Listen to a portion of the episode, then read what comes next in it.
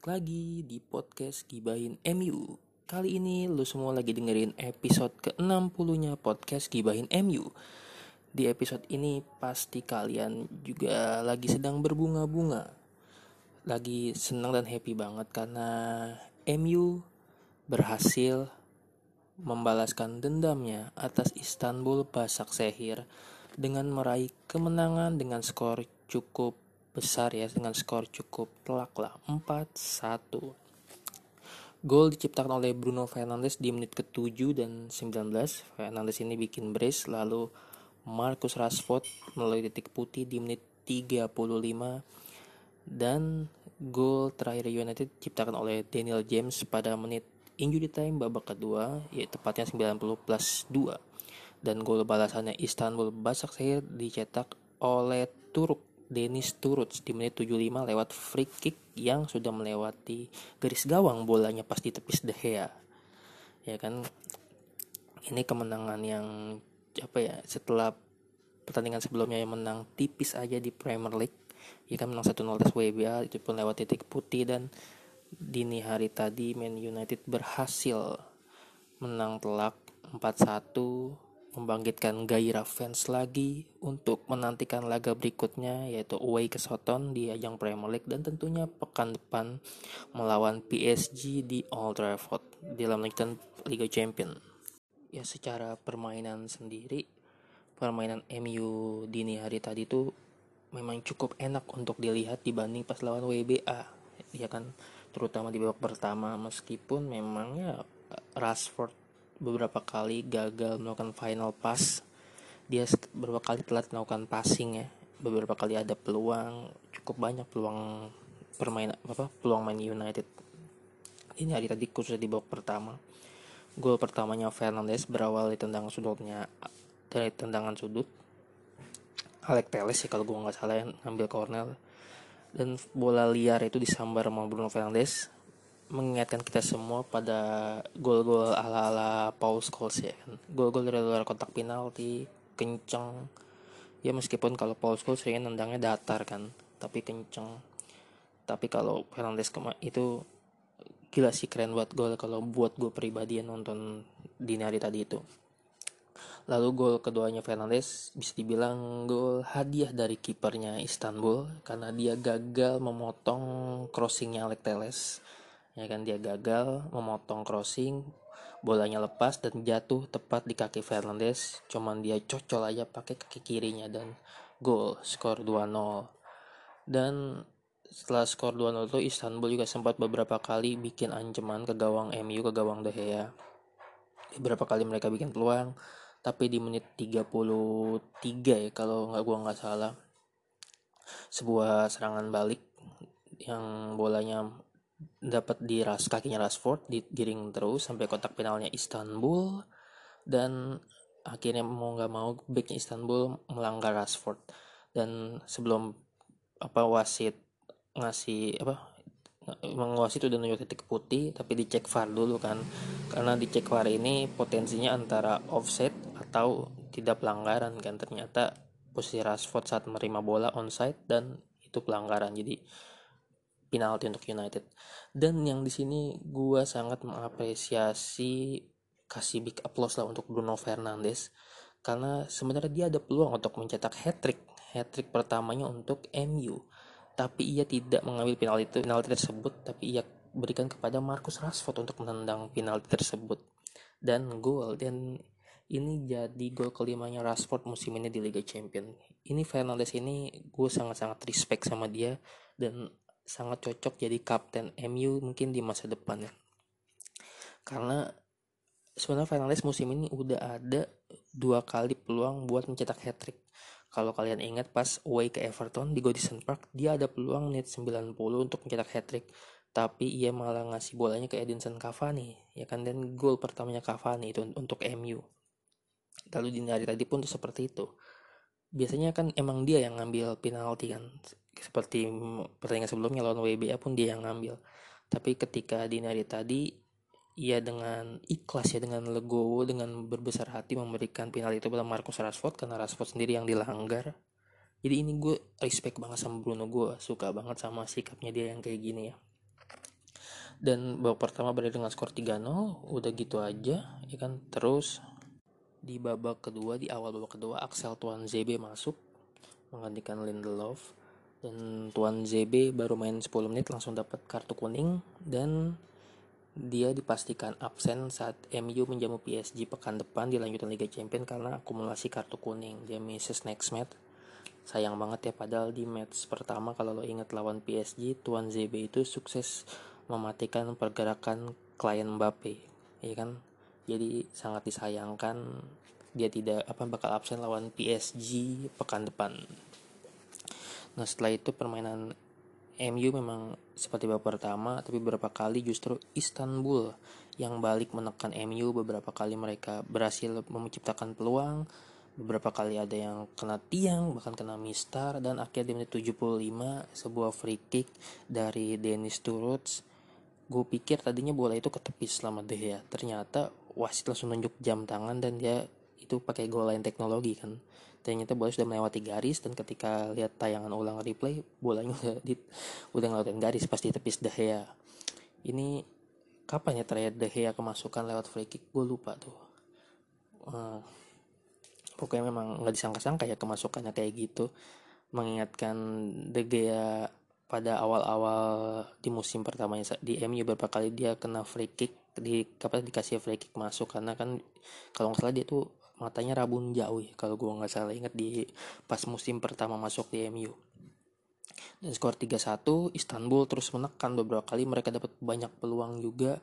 Dan ini kalau gua sempat mikir kalau skornya 3-2 ini bakal apa ya bakal bisa sampai 3-3 ya karena ketika skor 3-1 Istanbul dapat momennya nih. Mereka dapat momennya untuk mencetak gol lagi. Tapi akhirnya sampai akhirnya menit 90 plus 2 sebuah serangan balik dari Van de Beek yang bolanya ke Greenwood lalu Greenwood dengan ikhlasnya menyodorkan bola ke Daniel James ya. Padahal Greenwood ini baru main di babak kedua. Dia sempat dapat beberapa peluang juga beberapa peluang juga. Meskipun bisa dibilang di pertandingan ini dia rada agak maruk ya. Karena di menit-menit terakhir juga ia dapat peluang sebenarnya yang harusnya bolanya buat Edinson Cavani tapi sama dia malah dicocol. Ya kan malah tentang itu kalau nggak salah ngebentur backnya Istanbul ya di menit-menit terakhir banget itu setelah skor 4-1 dan kelihatan banget di match ini sebenarnya setelah Fernandes keluar Bruno Fernandes keluar ya seperti biasa ya MU ini seperti kehilangan nyawanya. Ketika Fernandes keluar ya pokoknya mainnya jadi mulai tidak enak untuk Litonan beberapa kali bikin Istanbul justru yang menguasai permainan kan justru sampai akhirnya Istanbul bikin gol dan masuknya Nemanja Matic sedikit berhasil mengubah alur serangan MU ya berhasil mengubah permainan MU sendiri dan ya dengan skor 4-1 ini Artinya peluang MU untuk lolos ke fase knockout babak 16 Liga Champions ter cukup terbuka lebar. Sebenarnya cukup uh, mengambil satu poin di laga pekan depan lawan PSG tapi alangkah baiknya kalau menurut gue lebih baik ambil tiga poin karena 12 poin akan mengunci bisa dibilang bukan tidak mungkin akan mengunci kita mengunci United ya sorry sebagai juara grup H Liga Champions karena kan kalau juara grup biasanya nanti undian fase knockoutnya mungkin biasanya lebih menguntungkan dibanding sebagai jadi runner up grup ya kan dan di laga ini juga ada rekor ciamik dari Bruno Fernandes di mana ia terlibat dalam 34 gol Manchester United dalam 35 penampilannya. Wah, gokil banget. Total adalah 21 gol dan 13 assist. Luar biasa loh Fernandes. 35 penampilan, terlibat 34 gol. Ini menurut gue adalah pembelian terbaik Manchester United sejak Sir Alex Ferguson pensiun ya. Semenjak era Sir Alex berakhir, ini pembelian pemain terbaik karena benar-benar signifikan, kelihatan banget, kelihatan banget apa ya efeknya kelihatan banget.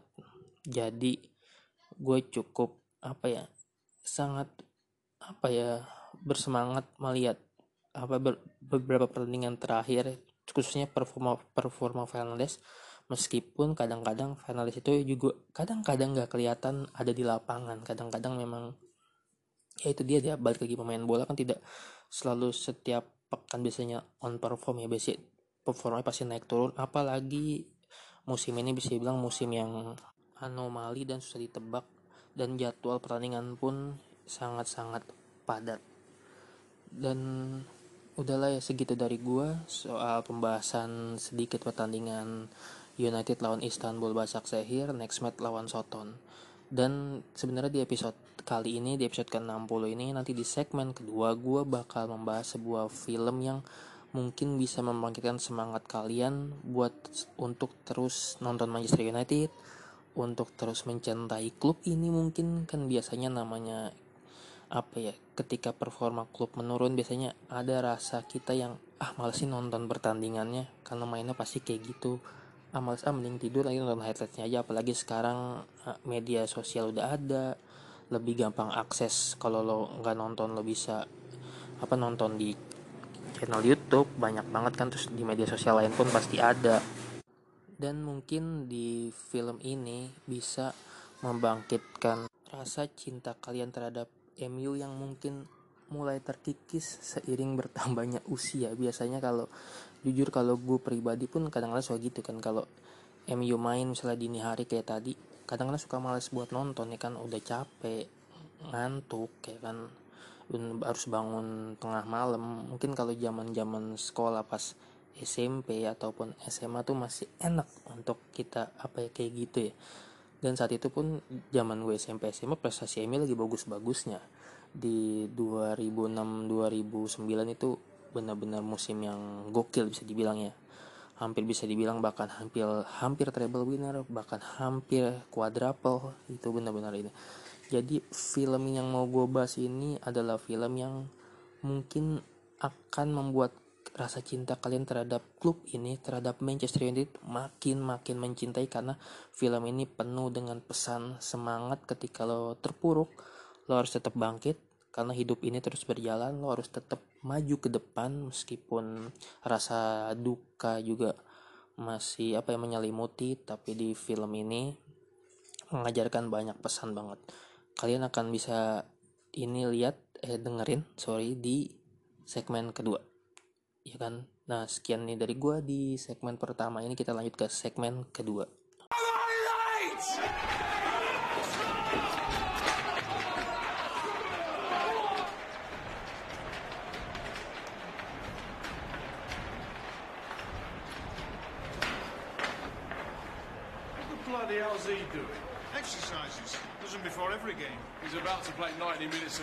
That's the bloody exercise. Duncan Edwards, uh, I've followed your career for the last 10 years. I've got enormous admiration for you. Oh, thanks. But reputations mean nothing here. Come anywhere near me on that pitch, I'll kick you over the far stand. All right, Chief. What am I doing here? You're Eddie. Wish I was you right now. What, lads, you haven't come in for nothing?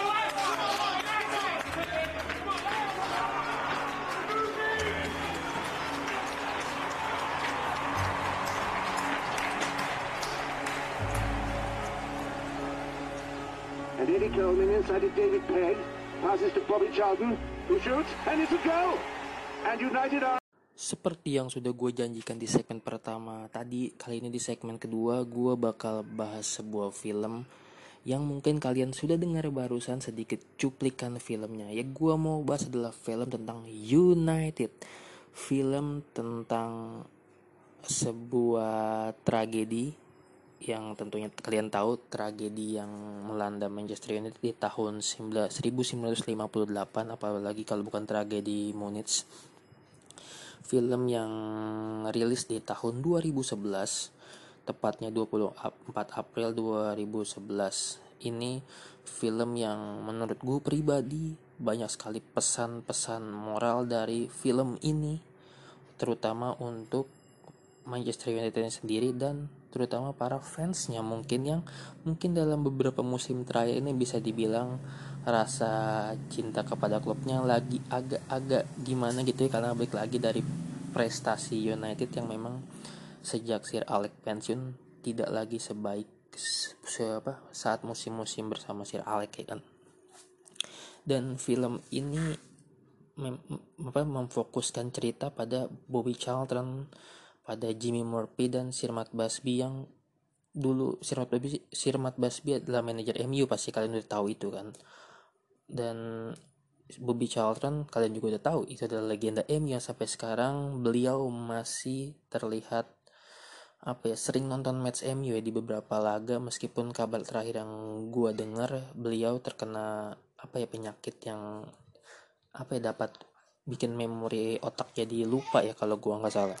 Oke langsung aja kita masuk ke pembahasan filmnya. Film United ini diproduksi oleh World Production dirilis pada 24 April 2011 dan diproduksi juga oleh BBC disutradarai oleh James Strong dan Chris Kipnell dan khusus Chris Kipnell ini beliau mewawancarai para keluarga korban tragedi Munich untuk mengetahui kejadian di masa tersebut ya sebelum syuting beliau mewawancarai dulu.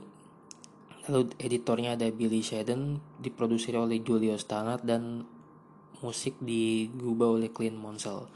Dan dari sisi para case-nya atau para pemainnya yaitu ada Jack O'Connell sebagai Bobby Charlton, ada David Tennant sebagai Jimmy Murphy, ada Sam Calvin sebagai Duncan Edwards, ada Philip Hill Person sebagai Edith Coleman, ada Kate Asfield sebagai Alma George, ada Ben Phil sebagai Harry Gregg, ada Doug Gray Scott sebagai Matt Busby, Sir Matt Busby nih, ada Thomas Howe sebagai Mark Jones, ada Brogan West sebagai David Peck, ada Bill Fellow sebagai Robert Charlton yang merupakan dari paman dari Bobby Charlton ini di film tersebut.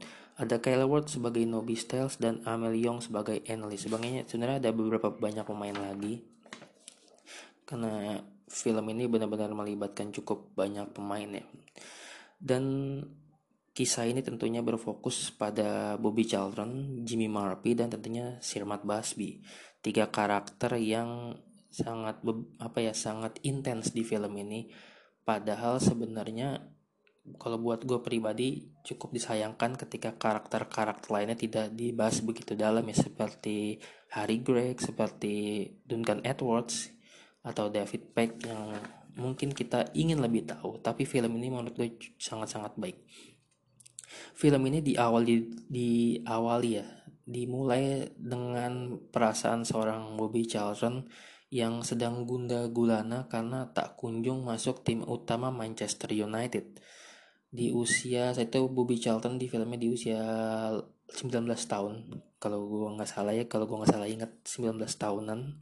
Jadi dia bilang ke Jimmy Murphy, dia di film itu dia bilang kapan dapat kesempatan untuk masuk skuad utama Manchester United. Lalu di film tersebut Jimmy Murphy bilang ya Jimmy Murphy ngasih wejangan lah kasar untuk Bobby Charlton dan akhirnya kesempatan itu tiba pada Oktober 1956 Bobby Charlton melakukan debut untuk tim utama Manchester United saat melawan Charlton Athletic dan scene ini bisa kalian dengar di suara apa cuplikan video tadi. Itu ada di mana para pemain MU ada di thumbnail di lorong sebelum masuk lapangan di Old Trafford lawan Charlton. Dan di sini tuh gue suka banget bagaimana Duncan Edwards memperkenalkan dirinya kepada pemain Charlton. Itu keren banget. Lo harus nonton makanya film ini biar tahu. Lalu ini kan memfokuskan cerita pada tahun 56 sampai 58 ya di film ini. Jadi di musim 5657 MU sendiri adalah juara Li Premier juara Premier League juara Liga Inggris saat itu namanya First Division. Lalu sebagai juara Liga Inggris maka United berhak mewakilkan Inggris di kompetisi European League atau sekarang Champions League Liga Champion dan di musim sebelumnya Manchester United sendiri sampai babak semifinal. Saat itu dikalahkan Real Madrid. Dan saat di film tersebut dibilang kalau apa para pem, apa Manchester United kalah dengan apa ya wajar. Karena Real Madrid saat itu cukup kuat dan MU saat itu di bawah Matt Busby memang sedang membangun tim dengan para pemain-pemain mudanya. Lalu di sini ada hambatan di film dijelaskan ya kan diceritain kalau Football League yang FA saat itu ya kan menolak keikutsertaan United di European League. namun akhirnya berkat Matt Busby dan Jimmy Murphy yang terus memaksa Football League akhirnya United diizinkan ikut kompetisi UEFA ini European League dan hmm, beberapa scene-scene di film ini epic banget sih dan pemain kayak sempat ada di satu gedung bioskop gitu ya kayak menikmati nonton mereka sendiri pas lagi main. Dan si Bobby Charlton muda ini benar-benar mendapatkan tempat di squad utama Man United apalagi di debutnya ia bikin dua gol lawan Charlton Athletic. Lalu ini dia momennya di mana saat United bakal melakoni babak perempat final European League di musim 57-58. Fokus ceritanya itu di sini di mulai memasuki menit-menit 30-an lah kalau gua nggak salah ya kan. Jadi uh, si ada konflik nih di dalam film antara Alat Hatwakal dan Matt Busby untuk menyewa pesawat buat terbang ke Belgrade, ke Red Star Belgrade. Dan lucunya ini ada scene di mana para pemain MU sampai di Belgrade ya kan? Dan mereka tuh uh, pada bawa makanan makanan kaleng di dalam tasnya. Dan ada satu scene di mana saat itu polisi bandaranya di Belgrade bilang kalau di Belgrade itu ada makanan. Dan itu itu apa ya scene yang cukup terngiang-ngiang di kepala gue dan setelah itu United berhasil menang eh lolos ya ke semifinal lawan Belgrade dan akan ketemu Milan. Dan di sinilah fokus utama film ya kan? Di mana sebenarnya kalau uh, di awal film ini sebenarnya ada scene awal di mana Bobby Charlton duduk di set bangku pesawat yang ada di tengah salju. Itu scene awalnya. Dan balik lagi ke scene ini di mana sebenarnya diceritakan di dalam film kalau pesawat ini udah dua kali gagal take off. Dan para pemain udah mulai merasa apa ya kayak udah mulai ada yang ketakutan ada yang udah mulai merasakan bahkan ada pemain MU gue lupa namanya dia udah ngirim pesan lewat fax atau lewat apa ya dulu namanya tuh telegram atau fax ya buat keluarganya. Jadi di sini bener-bener lu bisa ngerasain kalau nonton ada rasa bener-bener kekhawatiran dari para pemain-pemain MU yang tadinya suka bercanda-canda dalam pesawat. Mereka tuh sempat bercanda-canda dalam pesawat main kartu minum bir dalam pesawat. Tapi ketika udah dua kali gagal take off ya kan para pemain kan karena harus turun di Munich itu kan harus ngisi bahan bakar ya. Dari Belgrade mampir ke Munich dulu tujuannya untuk ngisi bahan bakar pesawat. Namun pas mau take off take off pertama gagal pesawat tidak mau dan para pemain dipersilakan untuk turun lagi dan penumpang untuk turun lagi semua. Karena di dalam pesawat bukan hanya pemain MU kan di dalamnya pemain MU sempat nunggu di bandara lalu ketika pilot mengatakan pemain sudah naik boleh naik lagi ternyata pesawat kembali gagal take off gagal lagi dan gagal landing lagi. Lalu nah di kesempatan ketiga ini itu dia tuh mulai terasa kalau lo pasti nonton apa yang momen rasa ketakutan luar biasa dari pemain-pemain MU terutama Bobby Charlton. Bobby Charlton ini kayak mau punya feeling bener-bener feeling gak enak ya. David Beck pun juga yang biasanya dia ceria suka ngebanyol ya kan. Lalu akhirnya di terus Matt Busby tetap menyuruh anak-anaknya untuk skuad asuhan untuk tetap naik pesawat tersebut. Dan akhirnya terjadilah kecelakaan tersebut. Ini kecelakaannya momen scene kecelakaannya tuh bener-bener ngeri banget karena kita kayak ngerasain momen dalam pesawat dan lu nggak tahu harus ngapain di dalam pesawat ketika pesawat gagal take off kan. Dan akhirnya uh, scene itu langsung berubah menjadi scene-nya Bobby Charlton yang gue bilang di scene awal. Dan dari situ Bobby Charlton mulai sadar dia selamatkan dari kecelakaan. Dia masih bisa bilang masih bisa berdiri masih bisa bahkan dia ngebantu nyari teman-temannya ya kan? Nyari teman-temannya yang lain saat pesawat udah mulai hancur bahkan ada yang kebakar ada yang meledak. Dan ini benar-benar scene yang udah cemeraut ya. Lu bisa bayangin kalau ini be- apa ke, kejadian sebenarnya kan di tahun 58 benar-benar semeraut itu di film aja diceritakan seperti itu. Ya terus akhirnya para pemain MU dinyatakan uh, 8 7 ya. Kalau awalnya kan 7 pemain MU atau 8 ya, yang yang meninggal uh, eh, tewas ditemukan ya kan. Lalu ada uh, mulai dari apa tuh media dari bagian-bagian media juga. Dan di dalam pesawat ini yang meninggal yang tewas ada 23 orang. Dari total 44 penumpang ya kan. Dan yang bikin sedih di sini adalah Duncan Edwards ya gue cukup sedih melihat Duncan Edwards di mana pa- dia nih posisinya saat setelah kecelakaan terjadi dia masih masih hidup ya. Posisinya dia mengalami kalau nggak salah dia ginjalnya rusak parah di film dibilang gitu. Lalu ada scene dia ngomong ke Jimmy Murphy. Jimmy Murphy ini terbang dari Manchester. Kalau nggak salah dia naik kapal laut ke Munich dia langsung berkunjung ke rumah sakit di Munich itu. Lalu dia ketemu sama Duncan Edwards dan Duncan Edwards dalam kondisi sakit itu dia masih memikirkan pertandingan di Liga Inggris. Dia minta ke Jimmy Murphy untuk bilang ke Football League untuk menunda pertandingan MU untuk menunda pertandingan yang kalau nggak salah mainnya hari Minggu. Dia minta ditunda. Gila ini benar-benar apa ya luar biasa banget loh. Bagaimana dia Duncan Edwards itu dalam kondisi yang sedang kayak gitu tapi masih memikirkan klub masih memikirkan pertandingan. Dia minta ke Jimmy Murphy buat nunda pertandingannya. Terus Bobby Charlton sendiri nah, di film tersebut kan memang difokuskan di dia ya.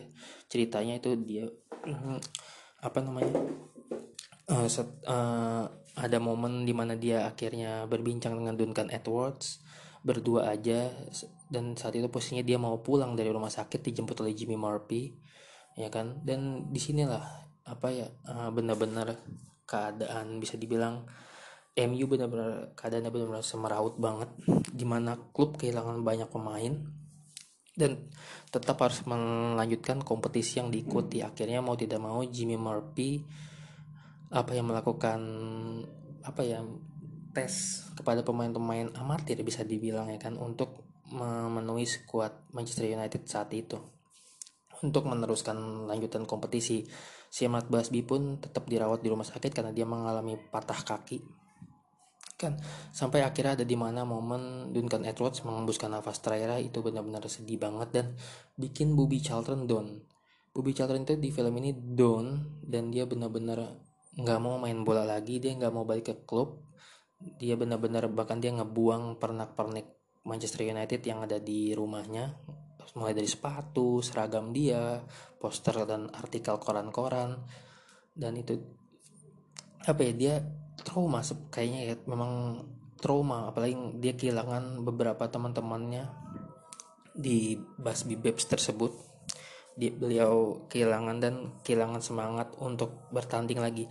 Sampai akhirnya ada di suatu momen di mana Bobby Charlton melihat anak-anak anak-anak bermain bola di tengah jalan ya kan? Dan akhirnya dari momen tersebut Bobby Charlton memutuskan untuk kembali ke klub kembali ke Manchester United dan akhirnya dia diantrin oleh pamannya naik mobil ke Old Trafford. Saat itu MU akan menggelar pertandingan pertamanya setelah apa ya ber- beberapa hari setelah mengalami tragedi mengalami musibah tragedi Munich tersebut ini Bobby Charlton datang tapi dia tidak sebagai pemain. Ia nonton dan ia didampingi oleh Jimmy Murphy untuk nonton. Dan Jimmy Murphy di setelah apa Eh, seperti yang kalian tahu kan Jimmy Murphy ini jadi manajer sementara United pasca Matt Busby dirawat di rumah sakit ya kan. Dan di pertandingan ini pun MU menang 2-0 kalau gua nggak salah lawan Middlesbrough ya apa ini ini pertandingan setelah beberapa hari setelah mengalami musibah ya kan MU tetap harus melanjutkan kompetisi dan di apa di dalam squadnya itu ada banyak pemain-pemain amatir lah ya yang direkrut oleh Jimmy Murphy untuk membangun kembali squad MU ya squad Manchester United. Dan di sini juga apa ada banyak banget MU dapat apa uh, pesan dari beberapa fansnya bahkan ada uang mereka mengirimkan. Ini pesan banget bahwa banyak banget fans atau warga Inggris saat itu yang sangat-sangat mencintai Manchester United yang ikut berduka atas tragedi ini. Dan film ini sendiri akhirnya apa memang memfokuskan pada Bobby Charlton dan di akhir-akhir akhirnya Bobby Charlton kembali masuk squad dan apa di akhir scene di scene akhir itu ada di mana momen MU main di final FA dan emang di tahun tersebut MU melaju sampai final FA Cup. Ini gila sih gue bener-bener salut banget bagaimana dengan kondisi yang habis apa terkena musibah tapi klub ini masih mampu melaju hingga final Piala FA memang di finalnya kalah ya nggak jadi juara tapi situ semangat luar biasa yang gue dapat ya pesan yang gue dapat. Bahkan di akhir scene di lorong sebelum mereka masuk Wembley stadion Wembley itu si Jimmy Murphy yang menggantikan sementara Matt Busby itu melihat ke anak-anaknya ya ke skuadnya 11 pemain yang bakal masuk ke Wembley. Dan itu pemain-pemain yang baru direkrut beberapa bulan sebelumnya ya kan dengan mendadak karena kondisi darurat dan di situ ada scene ketika Jim Murphy melihat Duncan Edwards, melihat David Pex, melihat pemain-pemain lain yang uh, sudah pergi untuk selamanya ada lagi di situ ya. Mereka sedang berbaris untuk itu scene paling keren banget ya. Dan yang gila sih terus nonton film ini ya. Karena film ini benar-benar buat gue pribadi banyak banget pesan yang disa akan disampaikan mulai dari semangat hidup terutama ketika pesan yang gue dapat adalah ketika lo dalam keadaan terpuruk dan lo ditempa musibah apa pun itu lo harus tetap bangkit karena hidup ini akan tetap berjalan. Hidup ini akan terus berjalan. Meskipun lo sedang tertimpa musibah lo tetap bangkit. Itu yang gue dapat pesannya dari film ini untuk terus bangkit. Ya kan? Dan memang setelah kalau kalian tahu kan di luar film ini kan cuma menceritakan tahun 56 sampai 58 dan yang kalian tahu saat itu 58 apa sejak kecelakaan ini 10 tahun kemudiannya MU jadi juara Liga Champions ya kan ngalahin Benfica 4-1 dan itu ya di akhir sini tuh benar-benar bikin gua apa ya bangga jadi fans Manchester United. Karena klub ini bukan hanya kental dengan sejarah apa trofinya ya sejarah ini tapi juga mempunyai sejarah kelam yang bisa dijadikan pelajaran yang bisa dijadikan apa ya, semangat untuk menjalani hidup. Itu yang gue dapat dari film ini yang gue tonton kan? Dan film ini ratingnya pun di Tomatoes dapat ini dapat 70% ya. Kalau di IMD mendapatkan rating 7,4 per 10 ya film ini layak banget sih buat kalian tonton karena gue nggak mau spoiler banyak juga ya biar kalian nonton aja film ini. Dan gue yakin beberapa kalian juga pasti udah ada yang nonton film ini karena film ini sendiri udah rilis dari tahun 2011 bahkan di channel di kanal YouTube di aplikasi YouTube tuh ada. Kalau kalian mau cari United Subs Indo itu ada. Dan apa ya bener deh kalau ketika lo sedang apa ya rasa cinta lo sama MU lagi agak terkikis karena mungkin karena prestasi. Tadi gue bilang di awal-awal kan mungkin karena prestasinya lagi menurun naik turun mungkin karena mainnya jelek. Nonton film ini pas banget buat membangkitkan lagi rasa cinta kalian terhadap Manchester United buat semakin mencintai klub ini meskipun jangan cintai ownernya tapi cintai klubnya. Ini film yang recommended banget. Dari gue pribadi sih ini film dapat skor 8 per 10 buat gue pribadi karena gue pribadi sendiri adalah fans Manchester United. Ya, jadi film ini apa ya benar-benar mengajarkan banyak lah. Di balik tragedi pasti ada akan ada hari yang cerah akan ada apa ya yang akan bersinar lagi di ke depannya. Yang penting kita tetap semangat menjalani hidup. Itu sih yang gue tangkap dari film ini. Ya pokoknya kalian harus nonton film ini dan gue yakin pasti kalian juga yang udah pada nonton sebagian. Itulah sekian dari gue di pembahasan di episode ke-60 kali ini. Maaf kalau agak-agak belibet ya cara ngomongnya karena ini di rekam jam berapa ini? Masih jam 6 pagi kayaknya nih. Ya kan? Ya udahlah eh, sekian dari gue terima kasih yang sudah mendengarkan podcast Giban MU yang selama ini sudah mendengarkan sudah 60 episode semoga ke depannya makin terus banyak episode-episode yang bisa gue rekam dan jangan lupa follow kita di Twitter, Instagram, dan jangan lupa follow juga di Spotify. Terima kasih yang sudah mendengarkan. Sampai ketemu lagi di episode ke-61. Salam hangat, salam semangat, glory glory Manchester United. You